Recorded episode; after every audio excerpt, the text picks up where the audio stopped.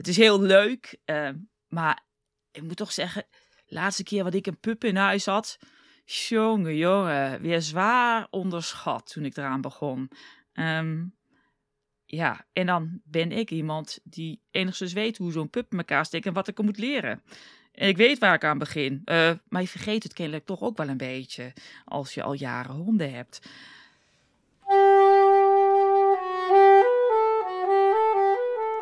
Welkom bij de podcast Honden met een Hobby. Ik ben Suzanne Reebagen, gedragstherapeut voor honden en mijn missie is dat jij en je hond maximaal kunnen genieten van jullie bijzondere relatie. Ik geef je in deze podcast een kijkje in de wereld van de hond, hondentraining en van gedragstherapie. Aan de hand van nieuwe wetenschappelijke inzichten en voorbeelden uit de praktijk ontrafel ik hondengedrag en doorprik ik oude dogma's en mythes.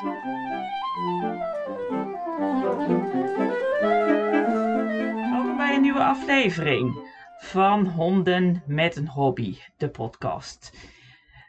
Nou, in de voorgaande afleveringen hebben we het voornamelijk gehad over ehm, als je een hond gaat aanschaffen, waarom te beginnen. En vandaag wil ik het voornamelijk hebben over waarom juist niet een pup te gaan halen, te gaan kopen. Ik ben op internet gaan kijken om te zoeken naar uh, een pup. Hoe kan ik nou zo'n pup vinden en kopen? Want heel Nederland is op zoek naar een hond, lijkt het wel. En wat mooi was, is in deze zoektocht kwam ik natuurlijk heel veel ellende tegen. Heel veel hondjes, puppies die aangeboden worden door uh, broodfokhandelaren in broodfokkers. En daar zit echt onwijs veel dierenleed achter. Uh, als je een beetje honden kent, zie je eigenlijk ook wel in de foto's dat er uh, veel angst achter zit. Je ziet dat er wordt verhuld door fokkers dat ze met heel veel verschillende honden fokken. Eigenlijk ook als uh, broodfok dus. Zeggen wel dat ze in huiselijke sfeer opgevoed worden. Maar je ziet dan soms meerdere verschillende rassen aangeboden worden met hetzelfde achtergrondje of in dezelfde omgeving. En advertenties die van dezelfde uh, bron is, dezelfde telefoonnummer, uh, account zit erachter.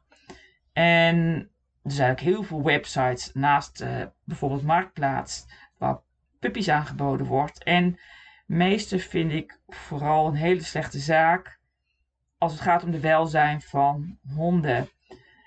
Er was één website die opviel waar ik heel veel aan had. En dat is House of Animals. Ze hebben nu ook een briljante campagne lopen.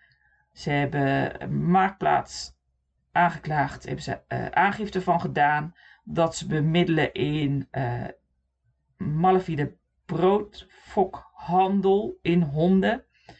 En um, ik kan het alleen maar onderschrijven en steunen.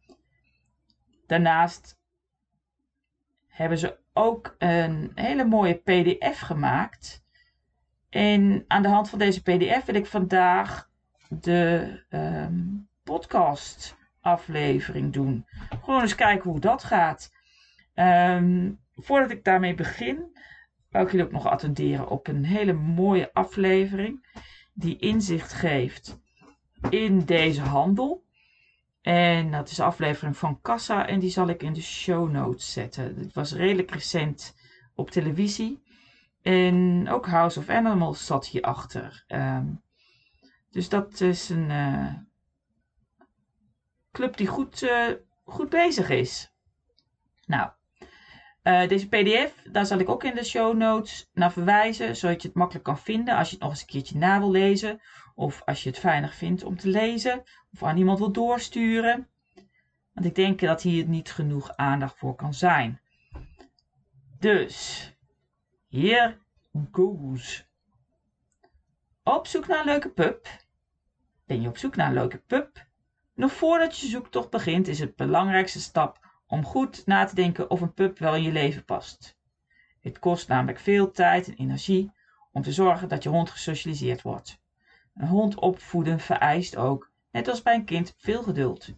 Je moet een pup bijvoorbeeld leren om zindelijk te worden En hij moet leren niet bang te zijn als hij alleen thuis achtergelaten wordt.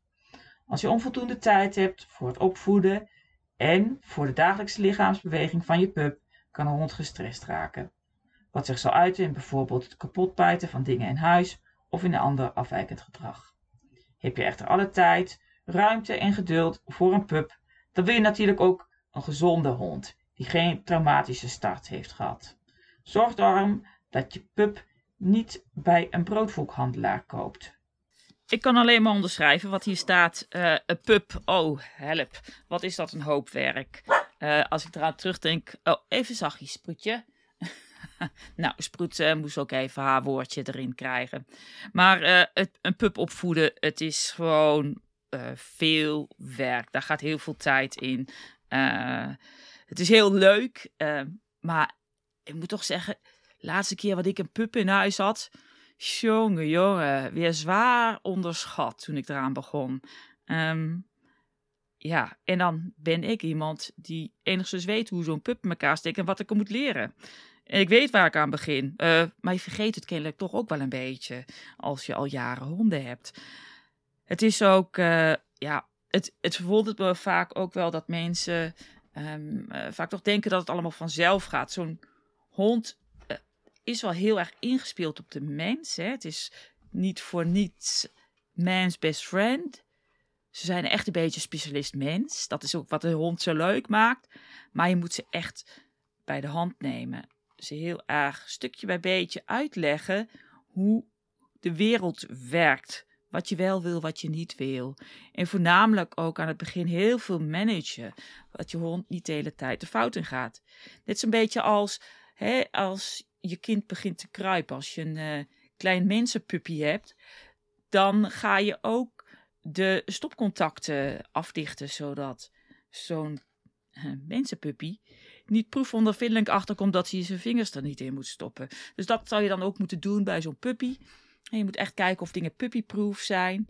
En je moet gaan nadenken van wat moet je allemaal dat puppy leren. Daar gaat echt mega veel tijd in zitten. Dus uh, bezin eerst voordat je eraan begint.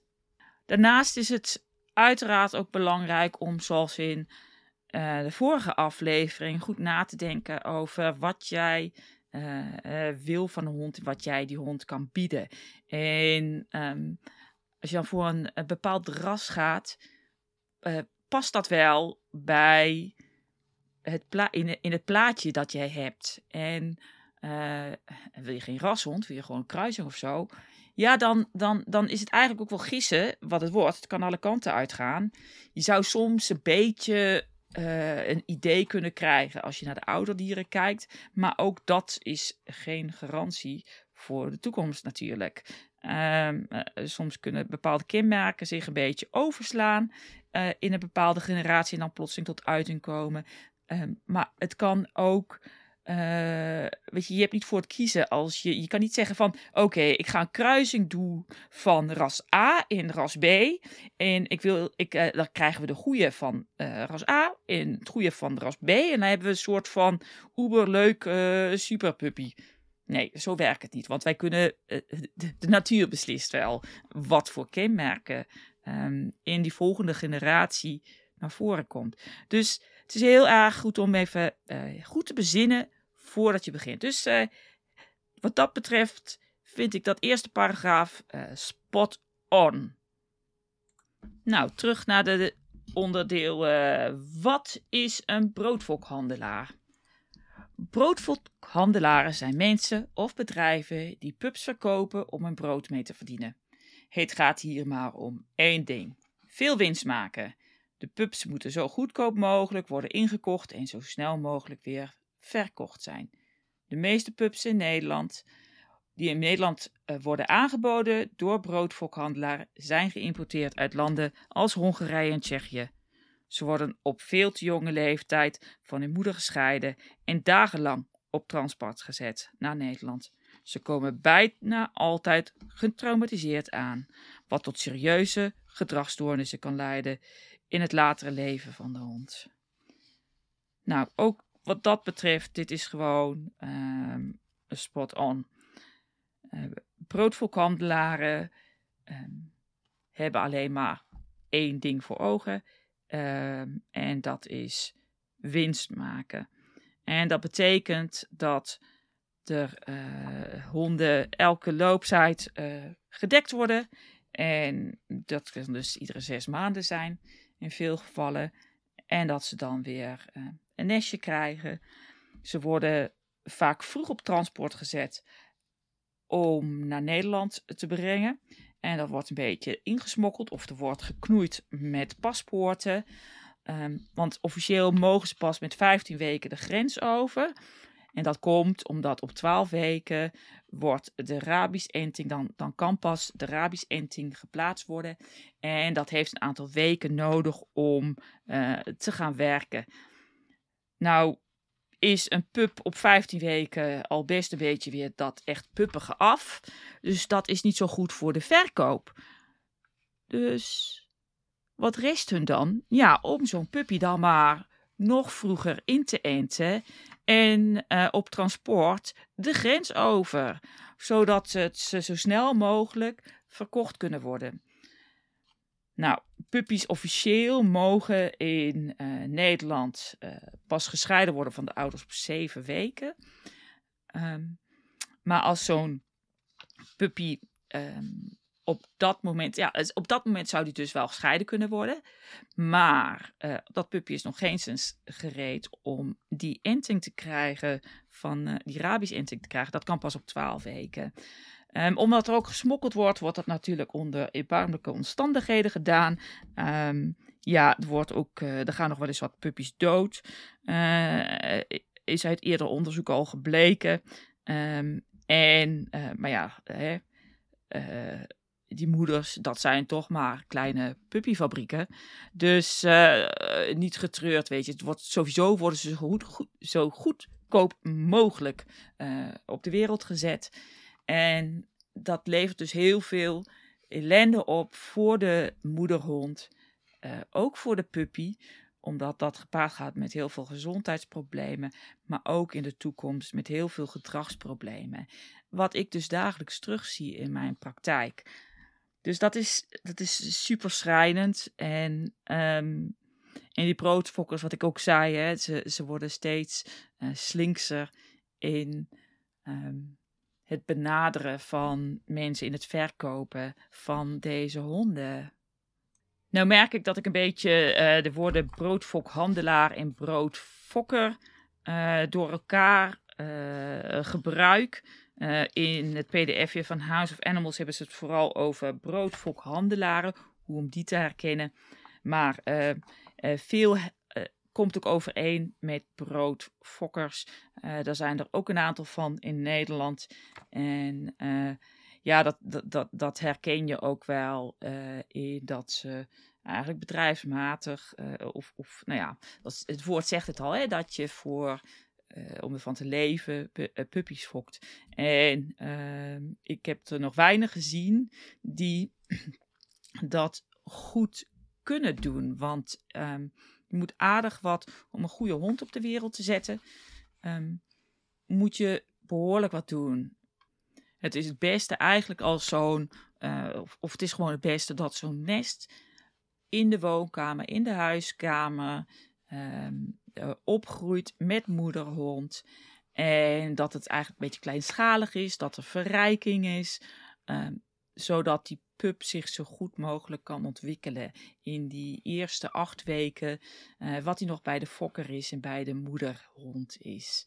Dus maar daarop een volgende keer uh, uh, in een andere aflevering wat meer over wat betekent nou een goede socialisatie bij de fokker, maar ook bij uh, de, de, de nieuwe eigenaar van de hond in de weken als die net gescheiden is van zijn nestgenootjes in de moederhond.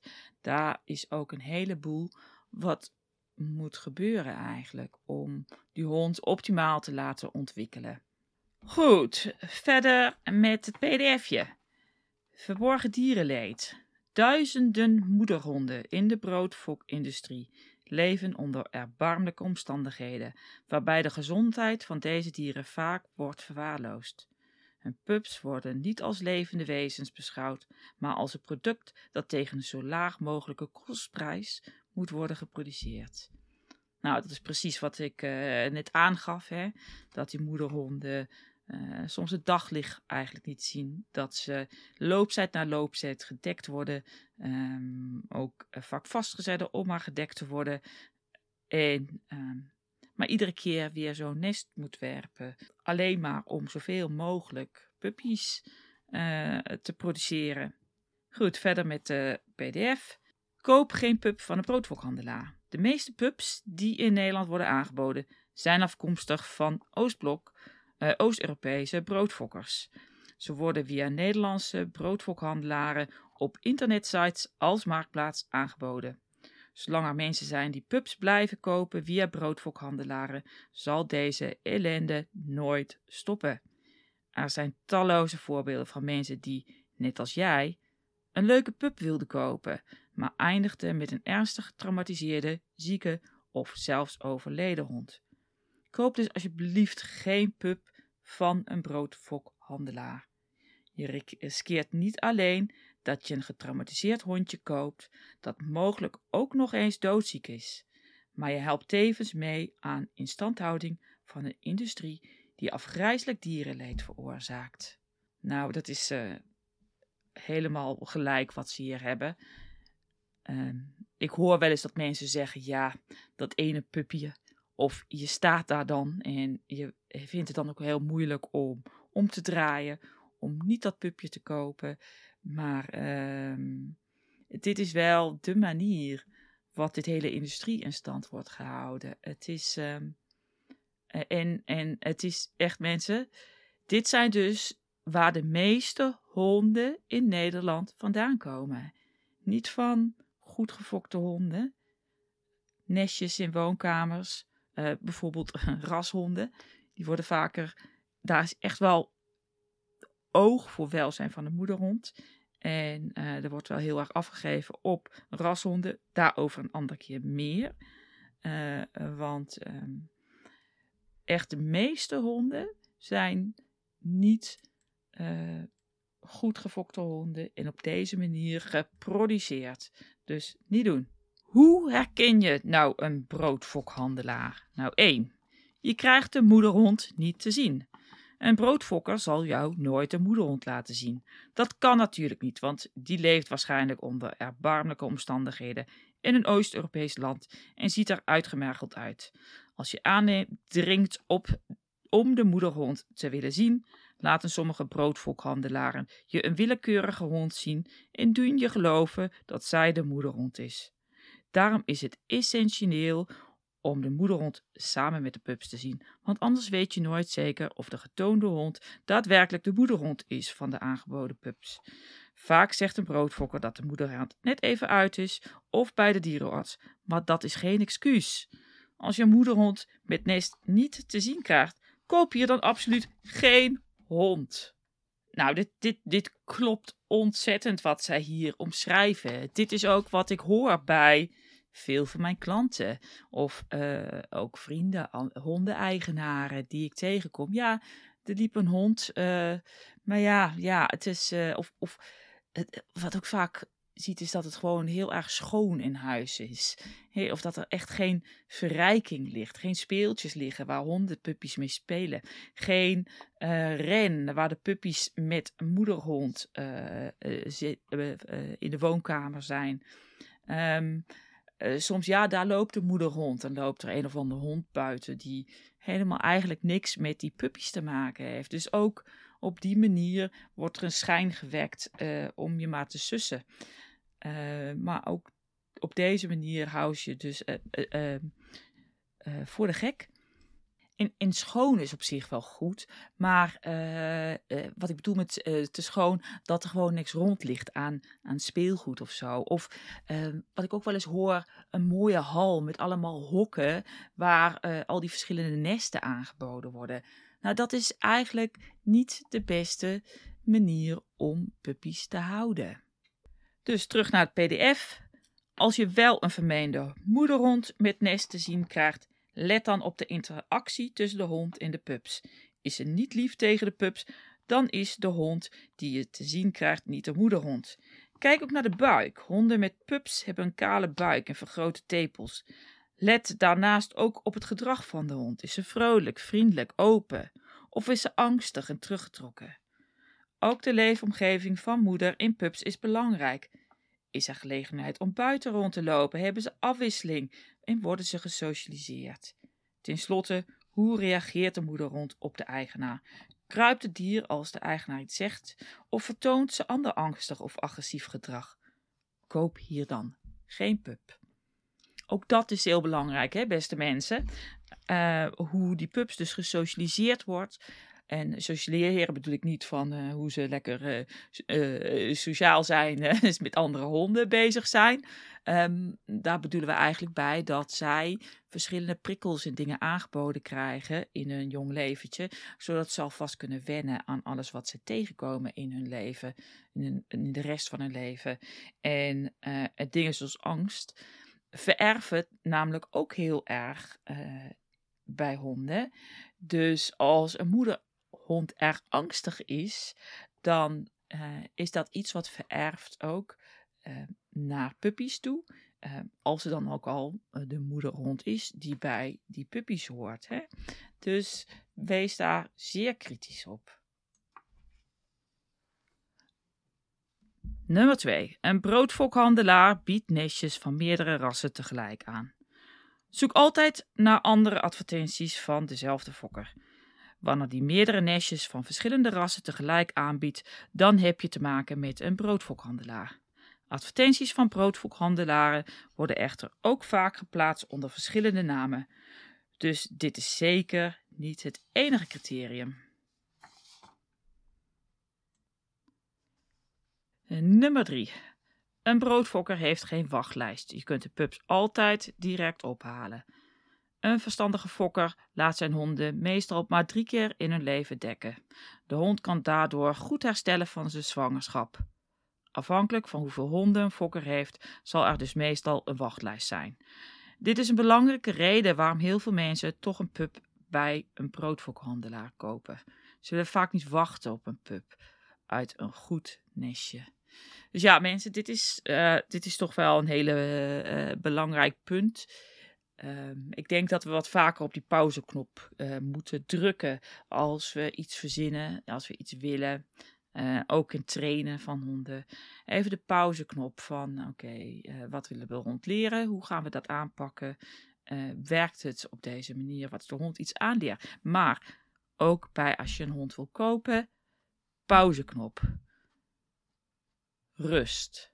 Waarom wil ik die hond? Wat kan ik die hond bieden? En dan gaan onderzoeken.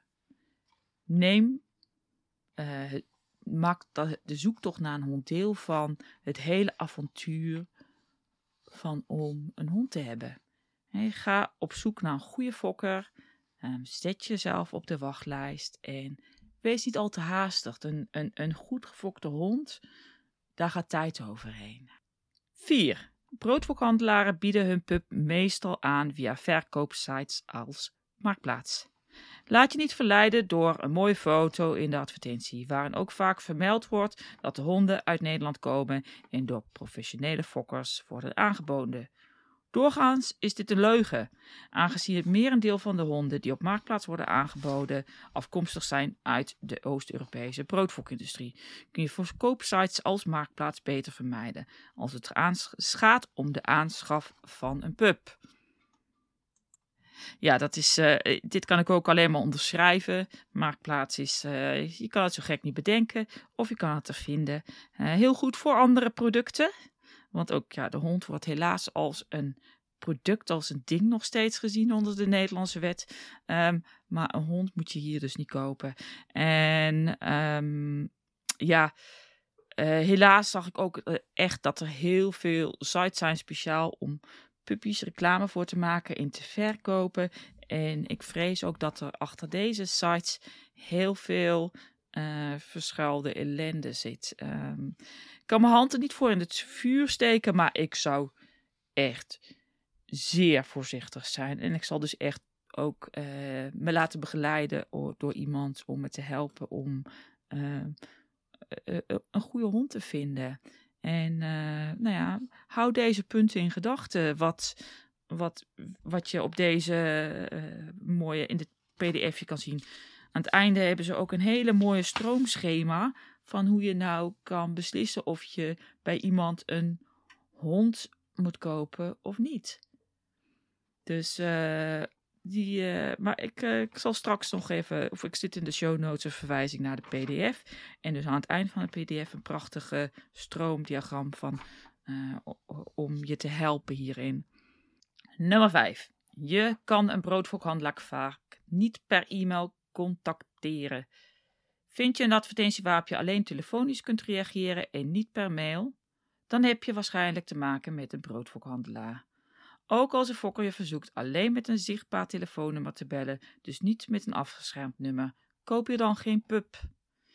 Ja, weet je, het is, uh, wat mij ook al, altijd wel opvalt, is dat er uh, heel vaak niet een mooie website te vinden is, waar uh, eigenlijk zo'n fokker van de hond um, zijn, zijn ouderdieren etaleert. En um, ja, zo nu en dan zie ik er wel eens eentje, maar dan, zijn, dan gaat het weer om heel veel verschillende rassen. Um, het gaat echt dan om, eh, weet je, de liefde voor die hond, voor dat ouderdier moet er van afspatten. Um, en uh, die fokkers die zijn dan ook, daar ben je dan ook welkom om nog voordat er überhaupt een nest is, op bezoek te gaan, om te informeren naar het ras. Um, dus punt nummer vijf is een heel goed punt in het identificeren van een broodfokhandelaar. Het gaat dus ook voornamelijk over transparantie. Als je niet in alle uh, uh, valkuilen wil, wil, wil uh, trappen bij het aanschaf van een puppy. Transparantie is het toverwoord. Een broodfokhandelaar is niet geïnteresseerd in jouw leefsituatie. Terwijl een verstandige fokker wil weten waar zijn pups naartoe gaat en daarom geïnteresseerd zal zijn om meer over jou en je leefsituatie te weten, is dit bij een broodfokhandelaar niet het geval. Een broodfokker is alleen geïnteresseerd in het zo snel mogelijk verkopen van zijn pups. Want hoe ouder de pup, hoe moeilijker het is om de hond überhaupt nog te verkopen. Ja, daar komen we dus terug weer bij dat punt wat ik ook eerder uh, uh, even wat over vertelde. Uh, die puppies, als ze echt over de grens uh, komen met 15 weken, dan is het hele puppige er vanaf. Zijn ze dus moeilijker te verkopen. Dus vandaar dat ze ook zo eigenlijk heel vroeg van hun moeder gescheiden worden. Um, en al veel te vroeg zo'n inting krijgen, zodat ze zo vroeg mogelijk de grens over kunnen. Um, en ja, ze willen dan ook natuurlijk zo snel mogelijk van die pup af. Want een puppy, ja, dat verkoopt zichzelf nou eenmaal fantastisch. Een goede fokker zal dus een beetje de vuur aan de schenen leggen. Leggen. Oh man, uh, ik kom even niet uit mijn woorden. Maar uh, ze zullen dus echt goed proberen achter te komen waar komt die pup terecht. En is dit wel een geschikte geschikte ras voor je? Is het een uh, geschikt hondje voor je? En uh, daar proberen ze zo goed mogelijk een inschatting van te maken. Punt nummer 7. Een broodfokhandelaar heeft slechts beperkte kennis van een bepaald ras. Een bona fide fokker fokt maximaal met twee rassen en doet dit mogelijk al heel lang. Hierdoor kent hij zijn rassen als geen ander en wil jou daar ook graag over vertellen. Dus stel al je vragen over het ras dat je wil kopen. Als je merkt dat de verkoper geen of halfbakken antwoorden geeft, koop er dan geen hond. Ja, dat ik ook, uh, dit is ook uh, wat ik een beetje eerder ook aangaf over uh, dat een goede fokker graag vertelt over de ouderdieren. Graag vertelt dus ook over het ras. Wat voor type ras is het? Wat zijn de kenmerken? En um, ja, de liefde moet er van afspatten. Nummer 8. Pups van broodfokhandelaren zijn meestal niet uit Nederland afkomstig. Honden moeten gechipt en ingeënt worden, waarna de pup een paspoort krijgt waar de afkomst van de hond in vermeld staat. Als je merkt dat de pup uit het buitenland komt en via een zogenaamde professionele fokker wordt aangeboden, dan heb je met een broodfokhandelaar te maken. Vraag ook naar de papieren van de moeder- en vaderhond. Het paspoort en een vaccinatieboekje. Alle Nederlandse honden worden gechipt met nummer 528. Ja, uitstekend punt. Ja, leg, uh, vraag gewoon dat uh, de paspoort en vaccinatieboekjes van de vader en moederhond. Ja, het kan soms zijn dat de vaderhond niet aanwezig is. He, goed, uh, goede fokkers die willen wel eens naar het buitenland reizen om uh, op zoek te gaan naar nieuw bloed um, en laten de moederhond daar dekken. Het is een beetje de gewoonte om de moederhond naar de vaderhond te brengen, of de, de aspirant vaderhond. Hè. Um, dus die krijg je niet altijd te zien, maar je moet in ieder geval veel informatie kunnen krijgen over de vader en de moederhond. En de moederhond die, die, die hoort gewoon aanwezig te zijn. Nummer 9. Broodfokhandelaren creëren schaarste en urgentie. Broodverkandelaren weten dat de aanschaf van de pub vaak een impulskoop is en spelen daar feilloos op in. Terwijl het voor een bona fide fokker belangrijk is dat zijn pub bij een goede familie terechtkomt, doet de broodfokhandelaar jou liever geloven dat als je de pub niet nu komt halen, je net de laatste rondje misloopt en dan misschien wel maanden moet wachten. Je moet ook altijd de gelegenheid krijgen om moeder en pups meerdere malen te bezoeken. Indien het de bedoeling is dat je bij het eerste bezoek de pup meteen moet meenemen, koop hier dan geen hondje. Nou ja, dat is, uh, dat, dat is het ook. Hè?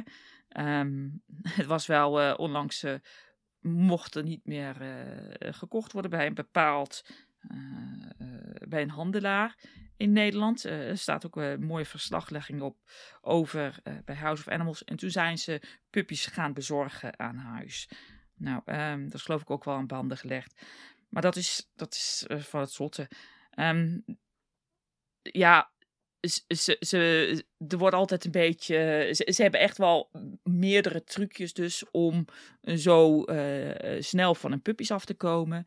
Um, ik zie trouwens nog wel de laatste tijd ook een ander trucje. En dat is juist om bepaalde puppies heel erg duur te gaan aanbieden op uh, Marktplaats. Echt uh, 3000 euro, 3500 euro. Uit Rusland een, een pommetje of zo. Of uh, heel exclusief. En eh, dat is ook een hele mooie strategie. Als je dat mij vraagt. Ik zou daar ook zeker geen hond van nemen. Punt nummer 2.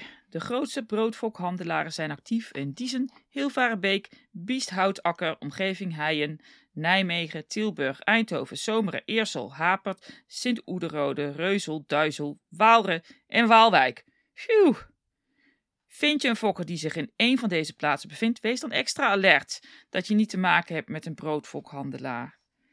Ja, het is, uh, je moet gewoon echt heel erg alert zijn. Het is voordat je het weet is het uh, instinker, trap je erin, heb je een pup van een broodfokhandelaar en ja, hou je dit vreselijke praktijk in stand. alsjeblieft mensen, neem dit ter harte. hier volgt ook een heel mooi schema waarmee je kan uitsluiten of de hond van een malafide fokker terechtkomt.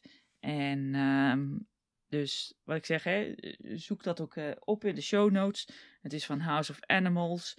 Um, ze hadden daar een mooie blog. Ging over. Uh, welke was het nou? Zet ik ook in de show notes welke blog het was. Maar daar stond toen een link naar de PDF. Uh, met deze mooie uiteenzetting. Die ik zeker kan onderschrijven. Uh, chapeau, House of Animals. Jullie hebben een uh, mooie, uh, mooi pdfje gemaakt. En aan de hand daarvan was het mijn genoegen om nog ietsje meer toe te lichten.